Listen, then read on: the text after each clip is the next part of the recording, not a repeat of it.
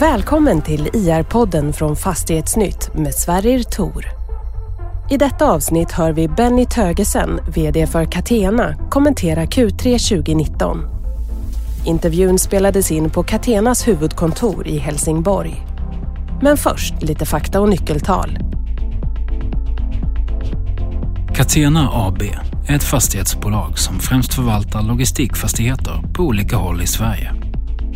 Vinsten för tredje kvartalet 2019 hamnade på 364,4 miljoner kronor efter skatt, vilket motsvarar 9 kronor och 13 öre per aktie. Driftnettot blev 226,8 miljoner kronor och förvaltningsresultatet 160,1 miljoner kronor. Överskottsgraden hamnade på 75,6 procent. Bolaget äger fastigheter till marknadsvärde 15,9 miljarder kronor och har ett eget kapital på 6 miljarder.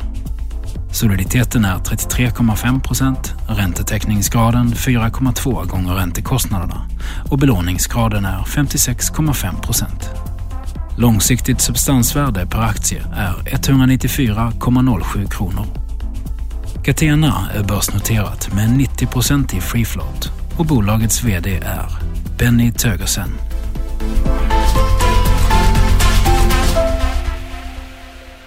Hej Benny, välkommen till DIA-podden igen. Ja, hej Sarir, välkommen till vårt huvudkontor i Helsingborg. Tack ska du ha, det är fint här som vanligt. Ja, men visst är det. Faktiskt blåste inte så mycket idag heller. Nej, det är vi kända för. Får väl bjuda på fint väder ibland här. Ja, för en gångs skull. Allt bra? Ja, absolut. Mm. Skånsk framgång i fotbollen igår.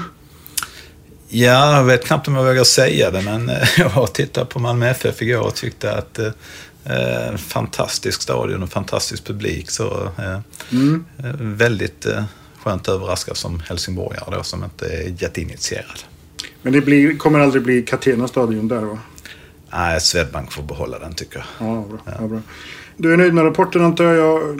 Det taktar ju på på alla fronter. Ni växer stadigt. Ni är uppe i nästan 16 miljarder i fastighetsvärde. Antar att ni kanske redan har passerat det nu efter rapporten. Ja, det kan jag inte säga någonting om, men 15,9 per eh, utgången. Här. Nej, men det, det taktar på, på på alla plan. Eh, vi har ju vi har blivit lite av en maskin som, som, eh, som rullar. Vi befinner oss i sammanhang där vi har tillväxt, återigen del av Svensk Handels ekosystem. Och, där den digitalt drivna handeln är ju det som driver de nya nätverken och egentligen mycket av vår framgång. Mm. När du säger maskin och, och, och liksom, då, då får man, man, man slås ju alltid av tanken liksom att i din roll som VD så, så måste du försöka se ännu längre fram än alla andra i företaget. Så mm. Om man inte ser någon liksom, affärsrisk externt, finns det någonstans en möjlighet eller risk att man, ja, man blir liksom bekväm just för att man är som en maskin och liksom allting går så bra. Ja, men det är en otrolig poäng och det trycker jag mycket på själv också att eh, vi ska konstant i vår vardag eh, bli lite bättre på alla plan. Eh, det eh, spelar ingen roll var i organisationen vi är och eh, vilken roll och uppgift vi har utan vi i vardagen, med kort, lång sikt och på lång sikt så och det, är, det, det, det är Catena för mig. Vi är duktiga på spana framåt, förstå vad som händer och, och ta beslut på det eh, samtidigt som vi är taktiskt duktiga och sen operativa vardagen eh, otroligt duktiga. Mm, mm. Och ni, ni, om man säger så, kanske slarvigt uttryckt, rider fortfarande på den här logistikvågen så att säga, som är ju eh, kanske fortfarande bara i sin linda med, med tanke på med tanke på liksom all den tekniska utveckling som sker och, och att samhället på något sätt är inne i en, ska man säga, en, en omställning till, till, en ny verklighet. Finns det bara möjligheter framåt eller ser du någonstans att det finns ett att det kan komma en dipp i, i logistikvågen så att säga? Den dippen ser jag inte komma eh, nu. Det är klart om det händer på, på, på den stora skalan eh, eh, saker i världsekonomin och så. Så det är klart att på ett eller annat sätt kommer det absolut att, att, att kunna påverka oss och alla andra bolag. Eh, samtidigt så är vi eh, liksom en del av ett nytt beteende och beteendemönster drivet av handel och digitalisering. Och eh, där finns marknader som är väldigt mycket mer mogna än vår egen. Och som vanligt, jag spanar ut mot eh, eh både Kina, Asien, eh, Sydkorea mm. likväl som mot eh, England och, och USA. Och den stora grejen är att eh, e-handelsmognaden, den, den, penetrationen är 10 i Sverige. Mm. 19, nära 20 tror jag vi är i Storbritannien nu. Så det, mm. Mm det kommer att fortsätta den utvecklingen. Och som sagt, demografifrågan som jag på också eh, har vi med oss. Mm. Du nämner ju Kina och, och, det har ju varit mycket snack om Kina, inte mm. bara handelskrig och så utan man har ju pratat om, om kinesiska leverantörer som, som dumpar priser eller underbjuder liksom, eh, på, utan att lägga någon värdering i vad de gör. Men, men just det här liksom, om, om det blir ett ett utdraget, en utdragen handelskonflikt, ser du att det skulle kunna vara för... De står ju ändå för väldigt mycket av liksom, leveransen av varor. Mm.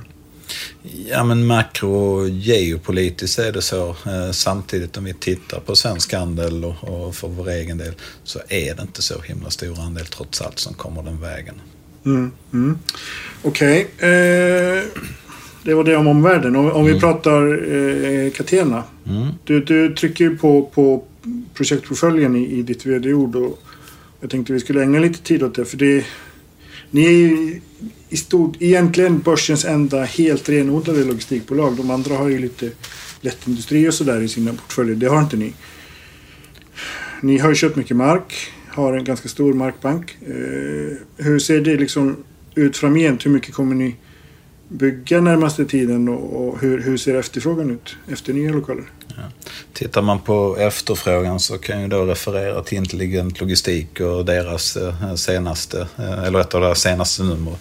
Där man redan för 2020 säger 600 000 kvadratmeter eh, ser vi kommer till och det blir faktiskt ungefär den takten vi har haft de eh, två föregående åren. Mm. Eh, och ja, men vi, vi, ser den efterfrågan fortsatt givet vad vi diskuterat tidigare.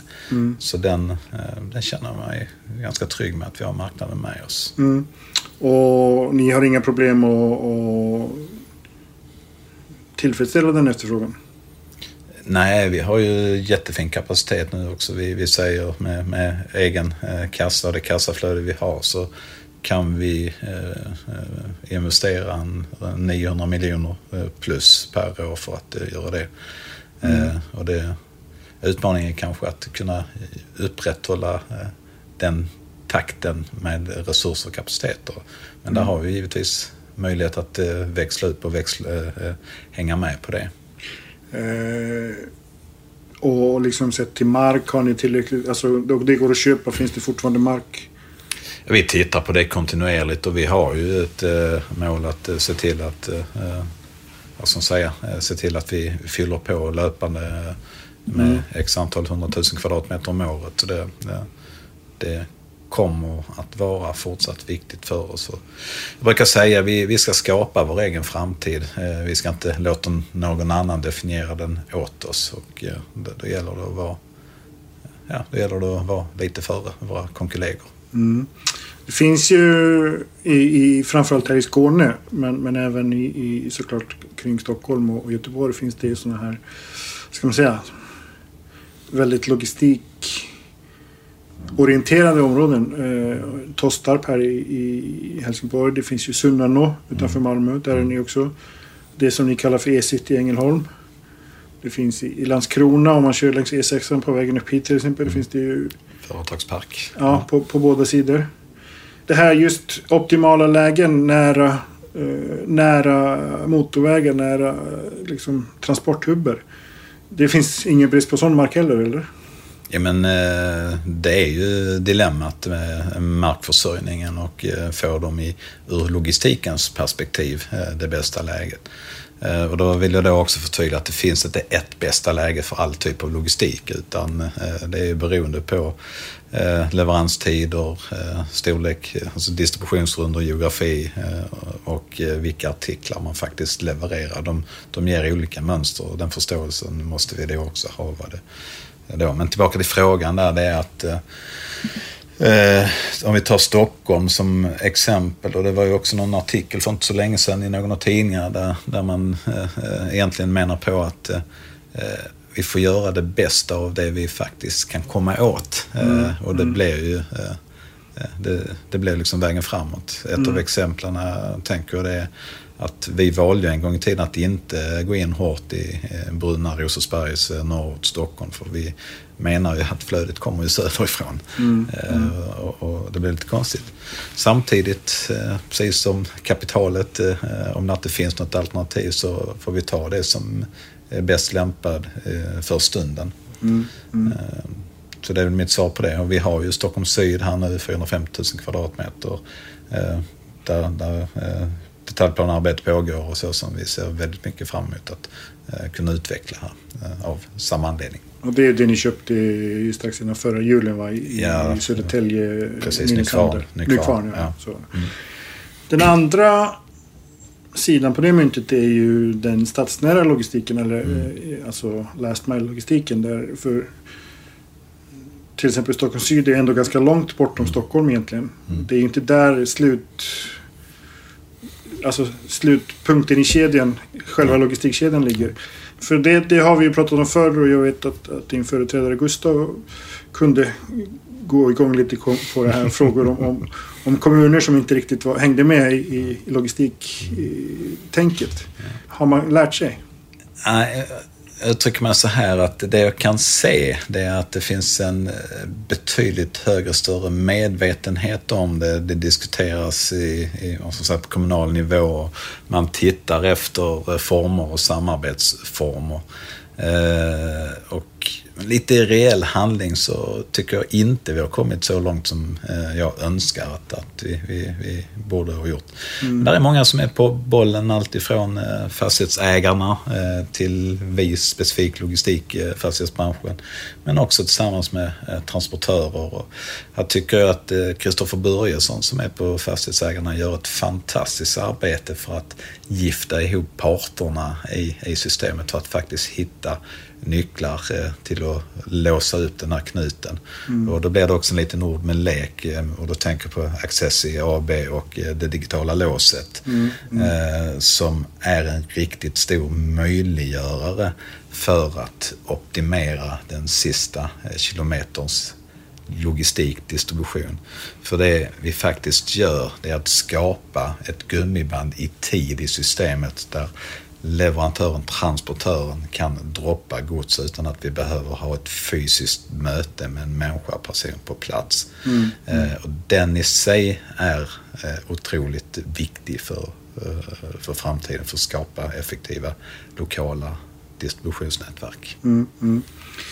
Jag tänkte vi skulle prata lite distribution lite på, på sådär, lite större mot slutet. Men jag, om man tittar bara på på liksom det bolagsspecifika nu. Om man tittar på det vi brukar prata om. Mm. Finansiering. Eh, vi har pratat om makro och geopolitik redan. Vi, vi, det snackas ju om att det går in i en lågkonjunktur. Men det, det kanske kan påverka lite i varuflödena. Det vet man ju inte förrän man är där. Men, men liksom. Vad ligger nästgård så att säga för, för Catena på, på den ekonomiska fronten om man säger så? Tänker du ränte, tillgång till pengar, finansiering? Ja, precis, precis. Eh, nej, vi känner, eh, vi, vi har ju gått eh, ganska säkert, eh, som vi alltid säger, allt är säkerställt. Eh, vi finns på obligationscertifikat och eh, vanliga bankfinansmarknaden. Mm. Och det känner vi oss väldigt trygga med. Bra, bra relationer med våra banker. och Ja, men återigen, det låter så himla tråkigt när jag säger det, men det är stabilitet som gäller i de här relationerna över tid. Att, att inte ta billiga eh, vad ska man säga, segrar på kort sikt, utan vi, vi, vi tänker eh, stabilitet över tid. Det är viktigt för oss. Och där gör Peter ett fantastiskt arbete. Mm, Peter Andersson, CFO. Peter Andersson, mm. CFO, mm. ja. Och långsiktigt är ju lite, det är bra på något sätt och, och tråkigt. Ja, ja men det, är, det är just det eh, jag säger. Eh, samtidigt gör vi eh, riktigt kul saker i vår vardag. Mm, mm. Det, ja. jag tänkte vi skulle avsluta sådär lite med, för det har ju, som sagt vi pratar ju logistik, du är, du är en logistiker i grunden och, och det har ju det kommer ju regelbundet nyheter om, om som visar hur otroligt känsliga flödena kan vara. Hur känsligt samhället är för att det fungerar bra. Mm. Nu senast det här eh, frågan om, om läkemedelsförsörjning i, i östra Sverige. Utan att vi börjar prata lite alltså, om bolag eller så, för det, det vet jag att du inte vill göra och det vill inte jag heller göra på det sättet. Men alltså just det här, hur kan man säkerställa att, att kedjorna fungerar för samhället? Ju mer beroende vi blir av, av logistik, ju mer känsliga blir vi också. Mm. Ja, så är det och eh, som säger den här känsligheten så eh, finns det en aspekt eh, som bygger på att vi, vi vill inte ha för stora eh, eh lagernivåer i punkterna och bygga upp utan eh, varorna, målet är att det ska flöda hela tiden. Och det är klart, om man då inte har ett större eh, lager med förmåga att distribuera nära, mm. eh, då, då finns det ju risk för att, att att vi får stopp i försörjningskedjan. Mm. Eh, då gäller det att bygga redundans på alla nivåer. Eh, eh, istället för att ha en enda stor distributionsenhet som ska göra allt så kan man ju faktiskt ha två Mm. Eller om man bygger en större, eh, då får man ha redundans på flera olika nivåer i sitt system. Det gäller IT-redundans, det gäller eh, eh ström-backup-faciliteter eh, fysiskt. Det gäller när man bygger automation, vilket är liksom det jag har gjort under ett antal år, så kan man också bygga system som är redundanta. Att, att, eh, och det handlar hela tiden om att ta bort de delarna i systemet där du bara har ett alternativ. Du ska hela tiden ha alternativa möjligheter att, att, att få fram varorna. Ja, det blir många ord här, men, men redundans ytterst, att, att ha med det i sin egen eh, riskutvärdering. Och det vet jag om att det har alla de stora dagligvaruaktörerna och det finns... Eh, eh, men ibland så går det fel, som mm. i ett av fallen du refererar till här. Och, men det finns, Försvarsmaterielverk har ju också varit på det här också. att Mm, hur, hur, hur, tänker vi i det stora? Och det har varit lite skriveri också. Mm. Ett centralt versus kanske några enheter till för att inte ha alla ägg i samma korg. Mm. Men det går att göra på flera olika sätt. Det är inte mm. nödvändigtvis att ha många enheter utan det är också att skapa redundans på den enheten man faktiskt har. Men i alla fall ha, ha ett par korgar om man säger så. Ja, du måste alltid ha redundansen. Mm. är ju mm. att tänka redundans hela, hela tiden i alla delar. Jag som åker mycket tåg börjar osökt komma och tänka på det också där. ja. Benny, det, vi snackade om det. Vi, vi satte oss åt lunch här innan och snackade om att julen är nära en på. Ja. Det är mindre än två månader. Vad, vad har du för tankar kring julen? Oj. Du pratar med fel person där, tänker jag. Grinchen. Grinchen, ja. Nej, men eh, jag ska själv flytta. Och det ska bli oerhört eh, spännande att flytta ihop mm. Eh, med ja, min kära. Och eh, efter det så det är alltid det här med, med barn och samlas. Så det är oerhört viktigt för mig att eh, vi får vår tid. Mm, mm. Det ser jag också fram emot, speciellt som barnen är på olika orter. Ja, och då precis. blir det sätt att samla ihop och, och komma hem. Så det, det blir mycket kärlek och hjärta där. Mm, mm. Precis som julen ska vara. Ja, men visst är det så. Stort tack Benny. tack.